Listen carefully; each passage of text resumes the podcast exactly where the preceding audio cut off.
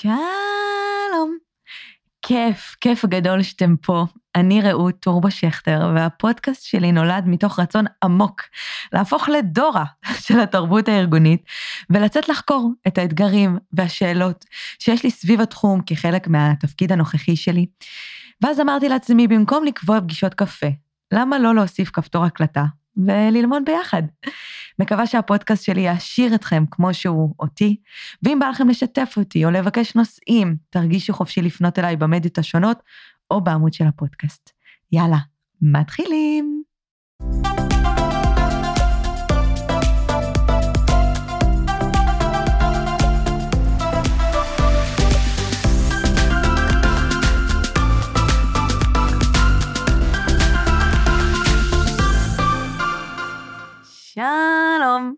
ברוכים וברוכות הבאים והבאות להלם תרבות, והיום הפודקאסט מוקלט בעמידה, כי אנחנו בהייטק. אם כבר שינויים וזה. כן, אם כבר שינויים, ונמצאת איתי באולפן אדר, והמינימי של אדר, שבזכותה אנחנו מקליטות בעמידה, שלום אדר. היי רעות, טורבו, מה נשמע? בסדר, בסדר, קודם כל אני חושבת שזו המאזינה הכי צעירה של הפודקאסט עד היום. חד משמעית, נקווה שהיא רק תאזין ולא תשאיר. כן, אולי היא תרצה לצרף לפינת הקריוקי, לכי תדעי. אין לדעת. אז אה, איתנו באמת באולפן אדר. אדר, את רוצה רגע להציג את עצמך? יאללה. יאללה. טוב, אז uh, בטייטל הרשמי שלי אני קצינה בצה"ל, אבל את זה נשאיר רגע בצד. Uh, וחוץ אני, מזה... אני בינתיים אצדיע לך. כל פעם היא מביכה אותי מחדש, קוראת לי הרמטכ"ל וכאלה. אמ, אני גם יזמת אה, בכל מיני תחומים חברתיים, נטוורקינג, אה, כל מיני עסקאות ועסקים אה, שכולם במטרה בשאיפה לעשות טוב בעולם. חוץ מזה אני גם אימא של שני בנים ובת. שנמצאת איתנו במקרה פה באולפן. נכון, אני כרגע בתקופה שלאחר לידה, ובזמן הזה אני גם עושה כל מיני, מרחיבה את עיסוקיי, נפגשת עם אנשים, בעיקר עם נשים, ובעיקר משחיזה את המוח ואת הלב. שאני שמחה להיות אחת מהאנשים האלה, שאת אה, משחיזה איתן את המוח, את הלב, וגם את, אה, כרגע את אה, שרירי הארבע ראשי, אני עושה סקווטים תוך כדי ההקלטה הזאת. האמת היא שלי יותר קל דווקא להקליט בישיבה, כי בישיבה אני פחות תזזיתית, כשאני עומדת, את, תראי, אני מתחילה פה לרקוד סמבה, וכאילו... רק שאלוהים יעזור לי. מכיוון שהפרק שלנו עוסק בשינויים, אז נראה לי שיציאה מאזור הנוחות זה בלתי. כן. Yes. You're right. אז אה, האמת היא, אה, סיפור אה, קטן על איך הדר ואני הכרנו, אז הדר ואני הכרנו לפני שלוש שנים, ארבע כן, שנים? שלוש וחצי, משהו כזה. משהו כזה. בריטריט של מנהלי קהילות. אני באתי בתור מנהלת קהילה, והדר גם בא בתור מנהלת קהילה גדולה של נשים. נכון, נכון, יש לי קהילה גדולה של נשים שקיימת כבר שבע שנים, והיא ממש בלב. קהילה מטורפת, לא, לא נוכל להרחיב, אבל קהילה מטורפת. נכון. ובאמת החברות נוצקה שמה, כי היא נוצרה והיא כן. נהייתה מוצקה, אז זה נוצקה. נכון, גם את הגעת לעזור לי במשהו שקשור לקהילה שלי ולקהילות בכלל. נכון. אה, בארגון שבו אני נמצאת, אז אה, הנה, זה רק הולך ומשתפר. רק הולך ומחמיר. ובאמת שסיפרתי להדר שאני הולכת להקליט את הפודקאסט ועל תרבות ארגונית, והתחלנו ככה לדבר על השטיח אה, בסלון. אה, והנה, החלפנו את השטיח והבאנו מיקרופונים, אז ישבנו, היום אנחנו עומדות, ואנחנו בעצם הולכות לדבר על אה, שינויים, ויותר נכון, אם, אם נהיה יותר מדויקות, על האכזבה שבשינויים בתוך תרבות ארגונית, אנחנו ננסה שזה לא יהיה פרק מדכא בכלל, כי אתם, אה, you know me, זה לא, לא. זהו, זה לא סטייל. הוא לא מדכא. כן, זה לא הסטייל שלי גם, כאילו, אני לא, אם אני בוכה, אני מעדיפה לקפוץ מהגג. אז אנחנו נשאיר את זה ב good vibes, אבל אני כן חושבת שזה פרק שהוא נוגע בכל אחד ואחת מאיתנו, מהסיבה הפשוטה, שכולנו חווים שינויים כל הזמן, ובטח ובטח בעבודה, אם אנחנו נוגעים רגע בהייטק, אבל גם בלואו-טק, אנחנו חיים היום בתרבות ובחברה. שהיא בקצב מהיר, הכל סביבנו משתנה כל הזמן, הכל סביבנו מאוד נזיל, שום דבר לא באמת, אה, אה, נקרא לזה קבוע, חוץ מאולי אנשים בקבע, וגם זה לא כזה קבוע. נכון. אה, ובאמת, אנחנו, אנחנו חייבים, חייבים לדעת להסתגל לשינויים האלה, כי אם לא, או שנהיה מאוד אומללים, או שפשוט נשאר מאחור. נכון. אז באמת הסיפור של שינויים, אני דווקא מגיעה אליו מזווית קצת יותר אופטימית ממך. אה, אני מאוד אופטימית, למה את ככה? כרגע. אוקיי, כרגע. אבל הרבה לפני שהייתי אופטימית, אז אני דווקא אספר שהחיבור שלי לנושא הזה של אה, שינויים התחיל אי שם אה, בזה שבתור ילדה עברתי כמה וכמה דירות. ובגיל 15 אה, וחצי, שזה אולי הגיל הכי פורח אה, חברתית, או לפחות אצל חלקנו, אה, בעצם עברתי דירה עם ההורים שלי, ועברתי ממצב שבו הייתי חלק מחברה מאוד מגובשת, היינו ביחד בצופים, התעמלות קרקע, you name it, חבר'ה. ועברתי בעצם לצפון, למקום שבו גדלתי בתור ילדה, לאזור. ושם החברה מאוד אה, שונה, חברה של אה, קיבוצים, אה, כל מי ש... בקיבוץ, כן, פחות, פחות בקטע של הסטלבט, מי שגדל בקיבוץ יודע שזאת חברה שהיא מאוד סגורה במין חונטות כאלה. ואני ככה חוויתי שבר מהמעבר הזה, כי כל החברות שלי נעלמו לי, והחבר'ה שלי והכול, באופן ברור ומובן, בכל זאת מרחק של שעתיים פלוס נסיעה בזמנו. והיה לי מאוד מאוד קשה, אני ממש זוכרת שאפילו כתבתי מכתב כזה שאף פעם לא שלחתי לחברות שלי על אה, כמה זה קשה המעבר הזה, ואני חושבת שזה היה אולי, אה, זה רגע אישי כזה, אבל זה היה אולי המקום הראשון שבו חוויתי שינוי כזה גדול בפן האישי, בחיי האישיים, ולאחר מכן, בשירות הצבאי שלי, גם חוויתי המון המון אה, שינויים, ברגע שעברתי מתפקיד אחד לאחר, מיחידה אחת לאחרת, ובעצם ממש אה, נהיה לי איזשהו, אה, ניתה לי איזשהו, איזושהי דרך שהיא כולה רוויית שינויים, ובתצפית ככה על עצמי במהלך השנים הבנתי שאני חייבת את השינויים האלה, שאני פריקית של ריגושים ואני צריכה את זה כל הזמן בשביל להרגיש כאילו חיה. זה טוויסט בעלילה, זה כזה, זה התחיל כזה מ... עברתי שינוי קשה, אני ממש זוכרת את זה הקיץ של אביה סטייל, נכון. ל... וואו, אני חייבת שינוי כל הזמן. נכון, אה, אני רק אציין למען ההוגנות. בחורה קיצונית, הדר, המונח הזה פעם. לגמרי. אה, למען ההוגנות אני אציין שלא חוויתי את זה כהקיץ של אביה, כי כן התחברתי ומצאתי לי את החברה, ואני חושבת שאם אנחנו רגע נדבר תכף על מה, מה אנחנו עושים בתוך אה, תהליך של שינוי, אז כן, כאילו היכולת הזאת היא למצוא חברה חדשה ולהתחבר מחדש, ו... למצוא את המקום שלי ולהגדיר אותו מחדש, ואולי לגלות את עצמי מכיוון אחר, זה, זה חלק מהדברים שבעיניי עושים אותנו כאלה יצורים שיודעים להתמודד עם שינויים ושמוציאים מהם את המקסימום. תשמעי, אני חושבת שזה מאוד חשוב, כי היום כשאנחנו באים למשל לעבודה, אז את יודעת, אם חברים שלי באים ואומרים לי, תשמעי, אני באה לעבודה ואין לי עם מי לדבר, ומשעמם לי ואני כל היום מול המחשב, או עושה את מה שאני עושה, כי אין לי את האינטראקציה מסביבי, זה מאוד משפיע על המוטיבציה של אותו בן אדם בארגון, באותה חברה. נכון, ואני חושבת שבמיוחד בעידן שבו אנשים עושים כמה דברים בבת אחת, אנחנו חייבים להיות יצורים כאלה שהם סטגלנים לחברות שונות ולמצבים שונים, ואי אפשר יותר להגיד לעצמנו, אוקיי, בוא נחזיק חזק, השינוי לא ישפיע עלינו, כי זה לא נכון וזה לא יכול לקרות. לא, גם אז יגיע שינוי אחר. נכון, לא... נכון מאוד. זה לא עובד. וטוב שכך. לא, גם תראי, אני גם לא חושבת שהיום אנחנו במצב ש... שוב, אני גם חושבת שזו שאלה איפה אתה בחיים, אבל בגלל שאנחנו גם לא כאלה, במרכאות אוהבים שינויים, אז גם לעבור כל פעם עבודה, או לעבור כל פעם דירה, זה לא בהכרח הפתרון למצב הנוכחי שאתה סובל בו משינוי מסוים. נכון, אנחנו נדבר על זה עוד מעט בפרק שלנו, על הסיפור הזה של אה, איך אה, ארגונים מתנהגים כשיש אה, כל הזמן שינויים.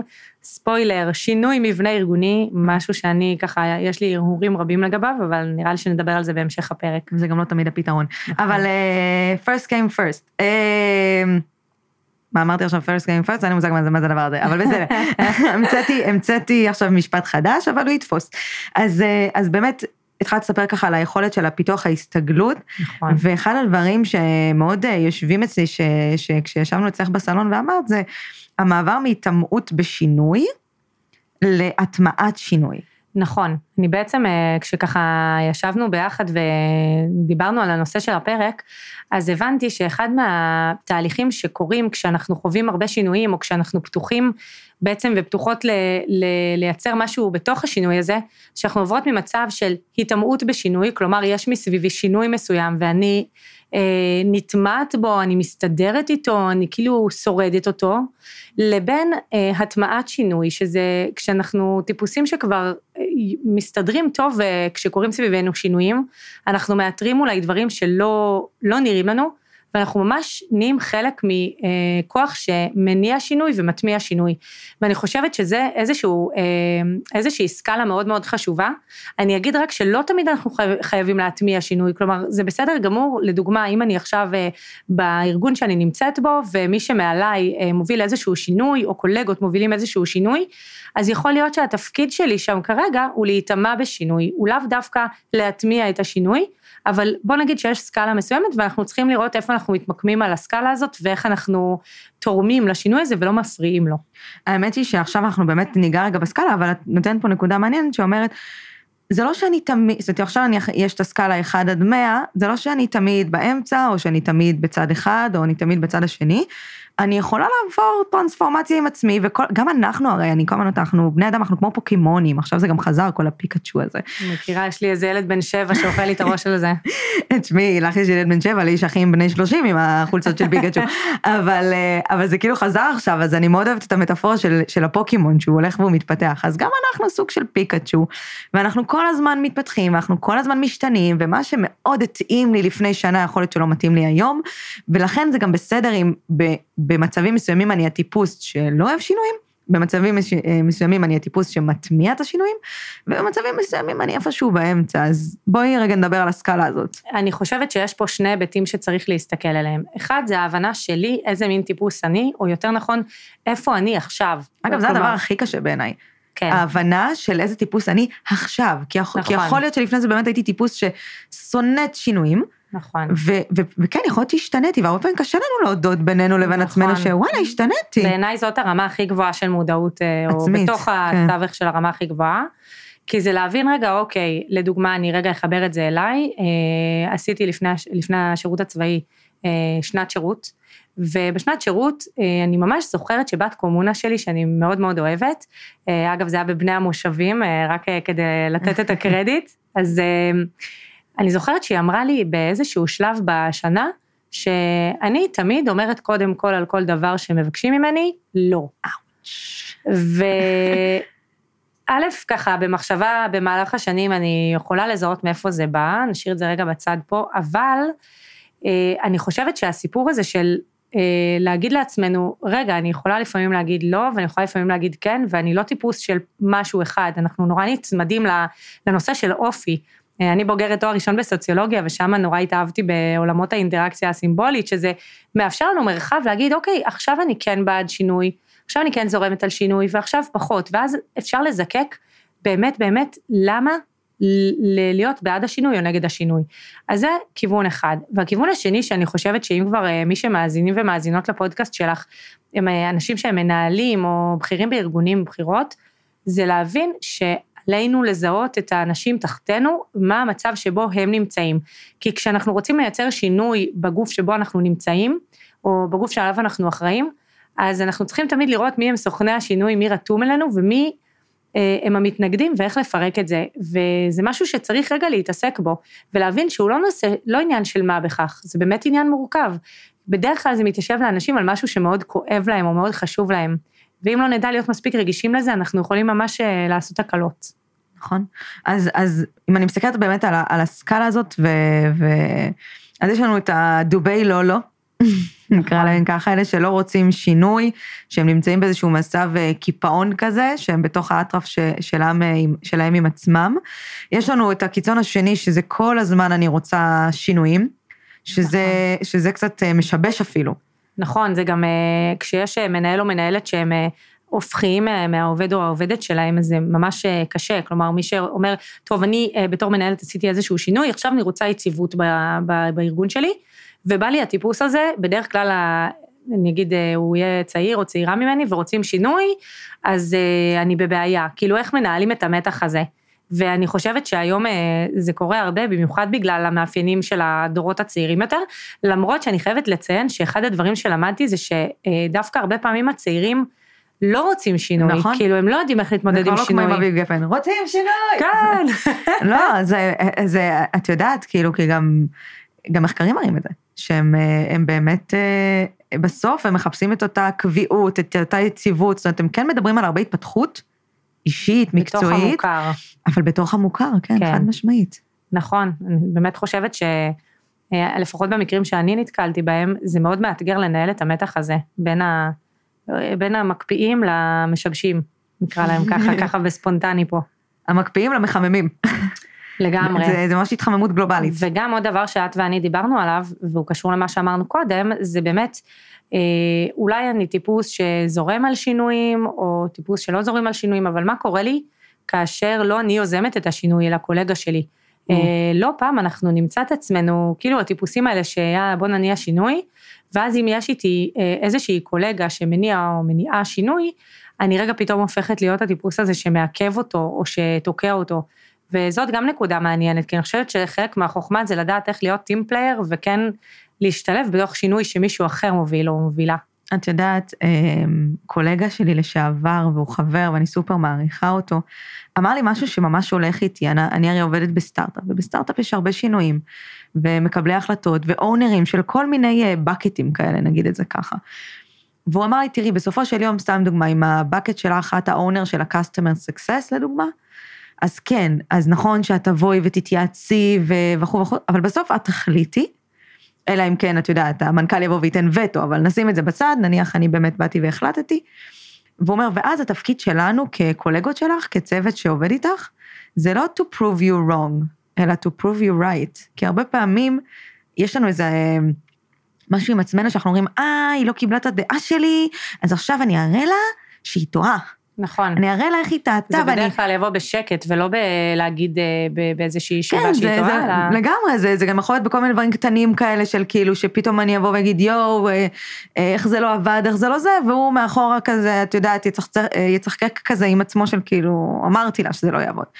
ומאוד אהבתי את זה, שהוא אמר את זה, כאילו בסופו של יום, אחרי שלקחת ושמעת, אגב, זה מאוד חשוב לשמוע את הדעות, אף אחד פה לא נכון. יודע הכל, זה היופי בלעבוד בצוות, שאתה, לפעמים הם שואלים שאלות שאתה אומר, וואלה, איך לא חשבתי על זה, זו שאלה סופר לגיטימית, ואז באמת, לבוא ברגע שאני קיבלתי את ההחלטה, גם אם לא קיבלתי את העצה שלהם, למרות שהקשבתי לה, לבוא ובאמת לדעת שיש להם את הגב, ש, סליחה, שלי יש את הגב שלהם, זה עולם ומלואו. נכון, ואני חושבת שיש פה עוד אלמנט שאפשר להוסיף על מה שאמרת, שזה הסיפור של אומץ לטעות. כי בעצם לפעמים אני אוביל, אני אבוא להוביל איזשהו שינוי, אני יכולה לתת דוגמה קונקרטית, אה, לפני כמה שנים אה, אה, הקמתי איזושהי קהילה, שאחת, מישהי מנהלת שהיא גם מאוד קרובה אליי ואני מאוד אוהבת אותה, היא ביקשה ממני בזמנו להקים את הקהילה הזאת עבורה, ועבור הגוף שהיא הייתה אחראית עליו. וככה עשינו הכל נכון, הכל by the book, היה לנו שם מגניב ולוגו מגניב ותוכן, ועשינו את כל הדרך המסודרת, והקמנו את הקהילה ולא קרה בה כלום. ואני יודעת להסביר גם למה לא קרה בה כלום, אבל אני חושבת שהאומץ להודות שאוקיי, זה לא, זה היה, זאת הייתה התנסות נחמדה, היא לא הייתה נכונה, היא לא הייתה אה, מתאימה, וזה בסדר גמור להיכשל. אה, ואני חושבת שזה גם הסיפור שצריך אה, אה שהוא יהיה אין בתוך עולם השינויים. אחרת, אנחנו לא נעז לעשות כלום. אז וילנאיז, אנחנו, אנחנו גם הרבה פעמים באים אה, להוכיח כמה אנחנו טובים, ולהיכשל זה גם להיות טוב. זאת נכון. אומרת, החשש לבוא לחברי צוות שלי ולהגיד אולי טעיתי, גורמת לי בסוף להישאר בסייף זון. נכון. ו- ו- ולא ללכת לפעמים עם תחושות בטן שלי, או עם דברים שיכול להיות שאני צודקת. ולא נותן לי מרחב תמרון, ובסוף משאיר אותנו בעולם מאוד מאוד מאוד מאוד מסוים ומקובע, בקיפון. שלא בהכרח מוביל אגב להצלחות. נכון, אה, הוא בהכרח לא אני, מוביל בעיניי להצלחות. הרי תחשבי, גם אם אני אחשוש מזה שחברי הצוות שלי מחר יגידו לי, אה, טעית, אה, זה... אה, הרי אנחנו כל הזמן, את רואה את זה גם ברשתות החברתיות, שאנחנו כל הזמן רוצים להראות כמה אנחנו מצליחים, ואנחנו לא בהכרח מראים כמה אנחנו לא, כמה אנחנו טועים, דברים כאלה, למרות שיש קצת שיפט בשנים האחרונות כן, לזה. אני חושבת שפשוט נוצרות דרכים אחרות להראות את זה במדיה. אני לא חייבת לשים תמונה שלי בוכה, אני יכולה גם... לשים תמונה שנראית אה, מושלמת ולכתוב איזושהי הערה צינית ומי שמבין יבין. Mm. זה בסדר גמור, אבל אה, לדעתי אנחנו קצת גולשות מהנושא, כן. וגם יש לנו גם כמה טיפים אה, ממש טובים על זה. אז בואי נדבר באמת על הטיפים. אז, אז התחלת בזה שאמרת שהיא נתנה לך אז ביקורת מאוד מאוד כואבת, שהיא אמרה לך שאת כל הזמן אומרת לא. נכון. אגב, חשוב לציין disclaimer, אנחנו לא אומרות שאסור להגיד לא. נכון. לא, זה חשוב להגיד כשצריך, נכון. ובמצבים מסוימים זה באמת נכון לעמוד על רגליים אחוריות ולהגיד לא. אבל הדבר הזה של by default, אני אומרת קודם כל לא, ואז אני חושבת, ואז אני אולי אומרת כן, נכון. היא גורמת לך לפספס המון המון המון הזדמנויות. נכון, אז בהקשר הזה סיפרתי לך על איזושהי אה, מתודה ממש מדהימה שלמדתי ושהולכת איתי. אני אוהבת את השם של המתודה. כן, אז אה, לפני בעצם, אה, הנה, היה פה רעש רקע של מוצץ שנפל. מוצץ שנפל. אם לא יבוא אחריו בכי, אז יפה, התמודדות עם שינויים. טוב, ננסה להמשיך את זה ככה. אז אה, כמו שציינתי, אה, אני בוגרת שנת שירות, ויש בן קומונה שלי מהמם שהוא שחקן תיאטרון, שקוראים לו ארז, ארז אה, שער רבני, ולפני כמה שנים, ב-2016, הבאתי אותו לאיזשהו קורס שבניתי, אה, איזושהי סדנה, והוא העביר שם סדנת תיאטרון פלייבק. עד אז לא הכרתי ממש את הכלי הזה. אגב, לא לצקצק עכשיו כל המצקצקים. למה לצקצק? לא, כי יש כאלה שאת יודעת, הם שומעים תיאטרון, זה, מה עכשיו אימפרוביזציה וזה, אז הם מצקצקים, אז לא לצקצק.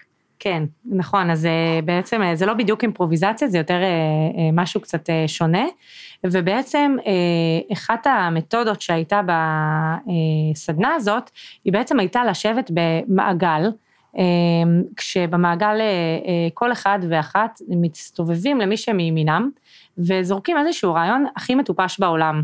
והבן אדם שלידם, שאמרו, שבעצם להם הם אמרו את זה, צריך להסתובב בחזרה ולהגיד להם, יאללה, יאללה, עכשיו, לא משנה ויאללה, מה, לדוגמה, ויאללה. אני יכולה להגיד לרעות, בואי נלך להחליק על בננה, והיא צריכה להגיד לי, יאללה, ויאללה, עכשיו נוצר מעגל, הכי תנועה שלך, אה, נוצר פה מעגל של רעיונות מטופשים ואידיוטיים, שאומרים עליהם יאללה, ובעצם זה נשמע כל כך רדוד, אבל זה מטמיע איזושהי חשיבה שאיתי הולכת באמת אה, שש שנים, שכל פעם שמציעים לי משהו שאני לא אה, אולי לא חשבתי עליו, אולי הוא נראה לי מטופש, האוטומט שלי בראש אומר יאללה, וזה ממש עוזר לי אה, להיפתח לרעיונות ולא לשלול על ההתחלה וזה נהדר. אני ממש אוהבת את זה. אני הייתי רוצה, אם יש משהו שהייתי רוצה מהמאזינים והמאזינות שלנו בפרק הזה, זה שאחרי הפרק, אה, נניח אתם הולכים לעבודה, אתם נמצאים עכשיו בעבודה, תעשו לכם יום אחד שהוא יום של יאללה. שבאמת המנהל או המנהלת באים אליכם, קולגות, כל מי שבא אליכם באותו יום ואומר אה, בוא נאכל היום סושי, יאללה, אלא אם כן אתם רגישים לסושי. אה, בוא נעשה ככה וככה, יאללה. א', אני חושבת שזה מעניין לראות את התגובה של הצד השני, שלדעתי מאוד מופתע מזה שפתאום ישר זורמים איתו, כי לרוב זה לא קורה. נכון? זה לרוב אה, נכון. אנשים כזה רגילים לאיזושהי התנגדות קודם כל, וכבר מכינים את עצמם, שלום ובוקר טוב לך. הנה עוד מישהי שהתעוררה להגיד יאללה. אה, אז א', אני חושבת שהתגובה מהסביבה תהיה מדהימה, גם מבחינה אנרגטית. נכון. אה, של אנרגיות טובות, ווואו, איזה team player אה, את או אתה. ושתיים, תראו גם לאן זה לוקח אתכם. יכול להיות שפתאום תגלו דברים מאוד מעניינים בעצמכם, נכון. הזדמנויות שיכול להיות שככה הייתם מפספסים. ותמיד אפשר לחזור ולהגיד לא אחר כך, זה תמיד אפשר. אגב, אני רוצה לתת סתם דוגמה מהעולמות שלנו. אז למשל, נניח והתחלתם לעבוד בחברה שיש לה משרדים. ואחרי איקס זמן החליטו שעוברים לעבוד מהבית. ואתם אומרים לעצמכם, מה, אבל אני רוצה לעבוד במשרד, וזה לא מתאים, וטטטי וטטטה. תנסו לאמץ רגע את גרסת, את גרסת היאללה. זאת אומרת, להגיד, יאללה, אני עובר לעבוד מהבית, או עוברת, בוא נראה מה יהיה. הרי תמיד אין שום דבר חקוק בסלע, ב, ביקום הזה, במקרה הכי גרוע אתה תמיד יכול, או את יכולים לחפש עבודה, יכול להיות שהדברים ישתנו, יכול להיות שזו תקופה, וגם יכול להיות שממש תהנו. נכון, ניקח את הריזיקה הזאת, כמו שאומרים. לגמרי. טוב. אני לא יכולה עם הפרצופים שהקטנה עושה לי פה, יש פה תינוקת כן. שמשבשת משבשת אותי ועושה לי חיוכים. אז אני אגיד, אני אזרום רגע לנקודה הבאה שרצינו להגיד. Yes. שבעצם אה, אה, הדרך הראשונה, אז אמרנו היא יאללה, ועוד דרך אה, להתמודד רגע עם הסיפור הזה של שינויים, זה להתחבר לאנשים שלא דומים לנו. אה, כי דווקא אני חושבת שזה מייצר איזשהו אה, גיוון, כלומר אני מכירה אנשים שהדעות שלהם אחרות משלי, והרעיונות אה, שלהם אחרים, אה, והם באים מעולם תרבותי שונה, ובעצם ברגע שאני אה, מתחברת אליהם, אליהם ואני עוטפת את עצמי בטיפוסים כאלה, אז היכולת שלי אה, להגיד משהו אחר או לחשוב בצורה שונה, אה, היא מתרחבת. ולכן זה, זה מה שאני אציע למי שמאיתנו מזהה שהוא או היא פחות אוהבים וזורמים על שינויים, זה ללכת ורגע לנסות להרחיב את המעגל החברתי, ולייצר נטוורקינג דווקא בסביבות לא טריוויאליות. זה טיפ סופר מעניין, את יודעת? אני גם, אני יחסית תופסת מעצמי בן אדם חברתי, ועדיין אני חושבת שיש משהו מאוד מאוד מעניין באמת כל הזמן בלהרחיב את המעגל שלך דווקא בלא more of the same. נכון. אה, באמת לבוא ולצאת מאזורי הנוחות ו- ולדחוף, אגב, סתם אפילו ללכת למיטאפים, ופשוט להתחיל לדבר עם אנשים. נכון. אני יודעת שזה משהו שהוא מאוד קשה לאנשים. תראי, אני חושבת שהסיפור של מיטאפים הוא הרבה פעמים מה שעוצר אנשים זה שהם הולכים למיטאפ אחד, שניים, ואז הם עוצרים ושואלים, אוקיי, מה יוצא לי מזה? כאילו, מה התועלת בשבילי? וברגע שמסגלים לעצמנו ש networking זו תועלת בפני עצמה, כאילו זה נשמע בנאלי, כי אולי, ב... נכון, נכון. זה skill. כי אולי בעולמות של ההייטק נגיד זה יותר מקובל ויותר נהוג, אבל אנחנו מדברות על כל מיני עולמות, אני חושבת שהלם תרבות זה פודקאסט שהוא יכול להיות מאוד ערכי, אה, מאוד בעל ערך עבור אה, אה, מי שעובד במגזר הציבורי, ומי שכאילו נמצא בכל מיני עולמות תוכן. והסיפור של המיטאפים הרבה פעמים, זה כאילו נקרא כמו בזבוז זמן. וגם networking זה, זה באמת, זאת מלאכה ממש חשובה שצריך להשקיע בזמן.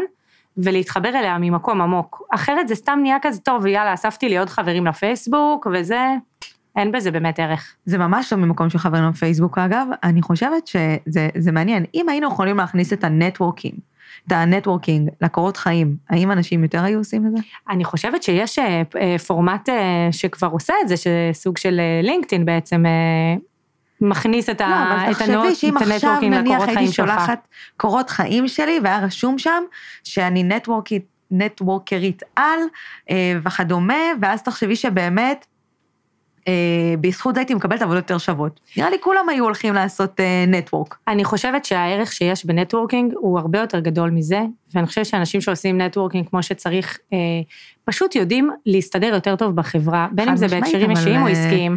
זה לא, בא לת... זה לא בא בטבעי לכולם, ובגלל זה אני אומרת, אם, אם אני עכשיו הולכת ולומדת סתם עוד שפה, עוד, לא יודעת, אקסל, או כל מיני דברים שהם מחוץ לאזור הנוחות שלי בשביל להשיג עבודות טובות, אז למה? כי, כי את אומרת, אנשים אומרים, אה, מיטאפים זה בזבוז של זמן, ואני לא כזה חברתי, ואני לא חברותי, ולא נעים לי, וכו' וכו' וכו', אבל אם זה skill שבזכותו אתה תשיג דברים יותר שווים, אז זה שווה את זה. חד משמעית.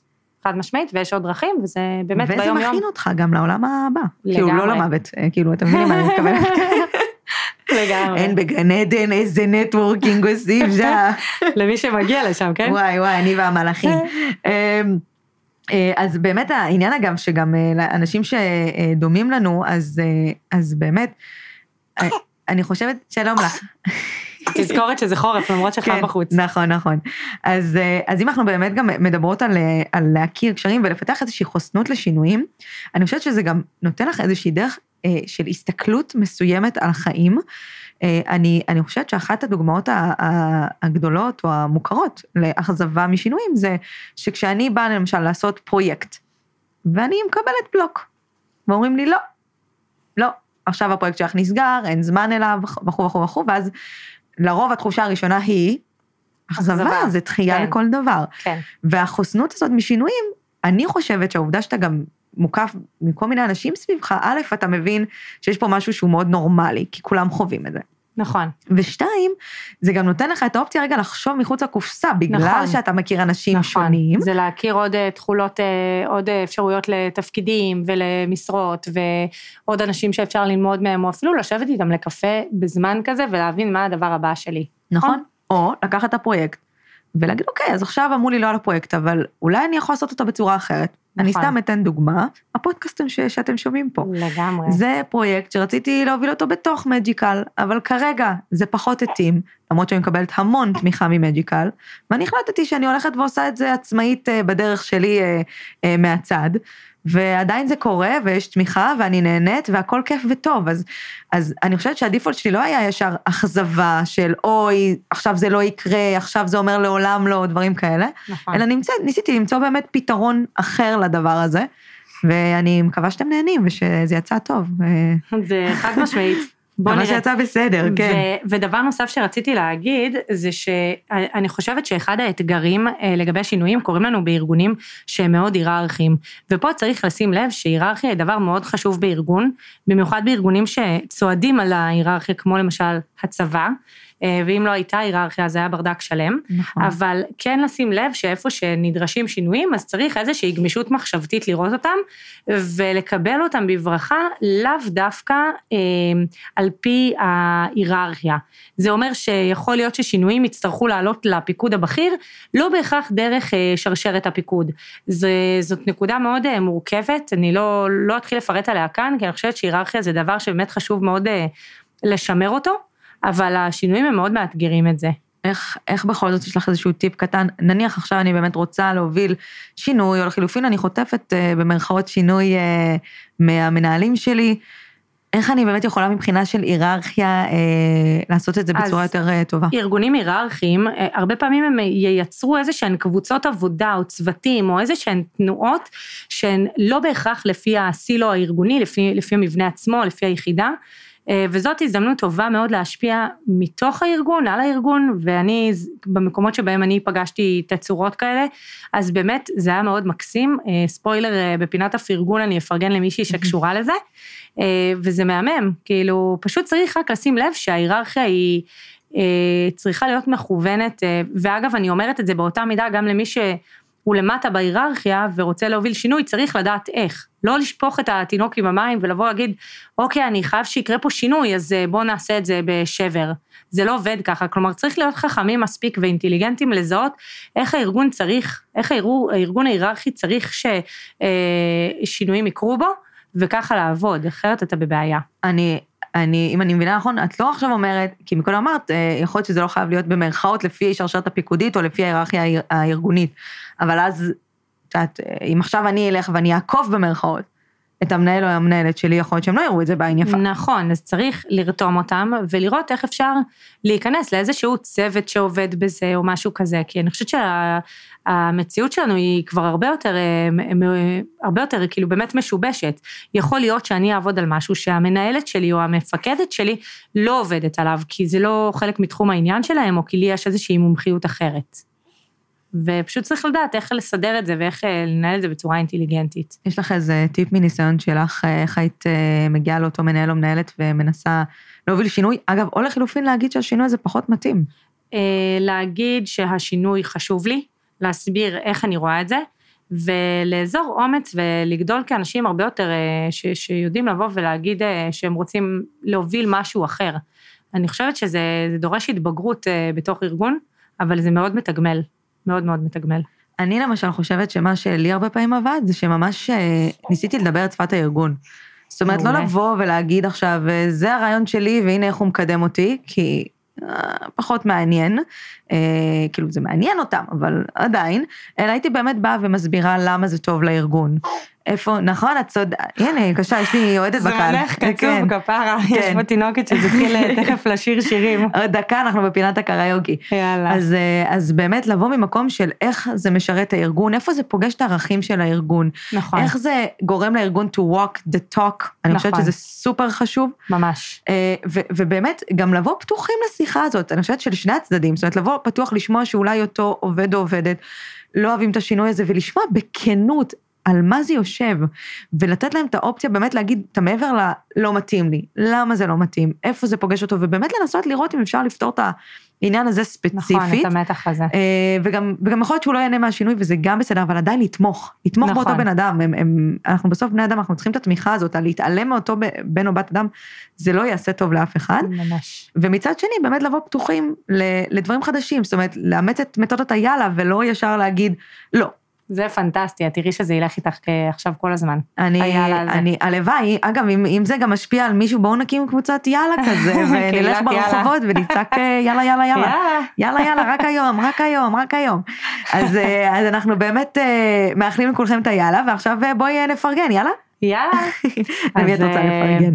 טוב, אה, קודם כל זה היה קשה להחליט, כי יש לי אה, פינות פרגון בכל מיני עולמות תוכן, אפרופו נטוורקינג, אבל בגלל שהפודקאסט שלך עוסק בתרבות ארגונית, אז אני אפרגן לחברה שמשפיעה על התרבות הארגונית מתוך ארגון היררכי או בתוך ארגון היררכי וקוראים לה שרית, שרית שיף, והחל מעוד כמה חודשים אה, היא תהיה ראש מערך מדעי ההתנהגות בצה"ל, וואו, ראשת מערך. ראשת.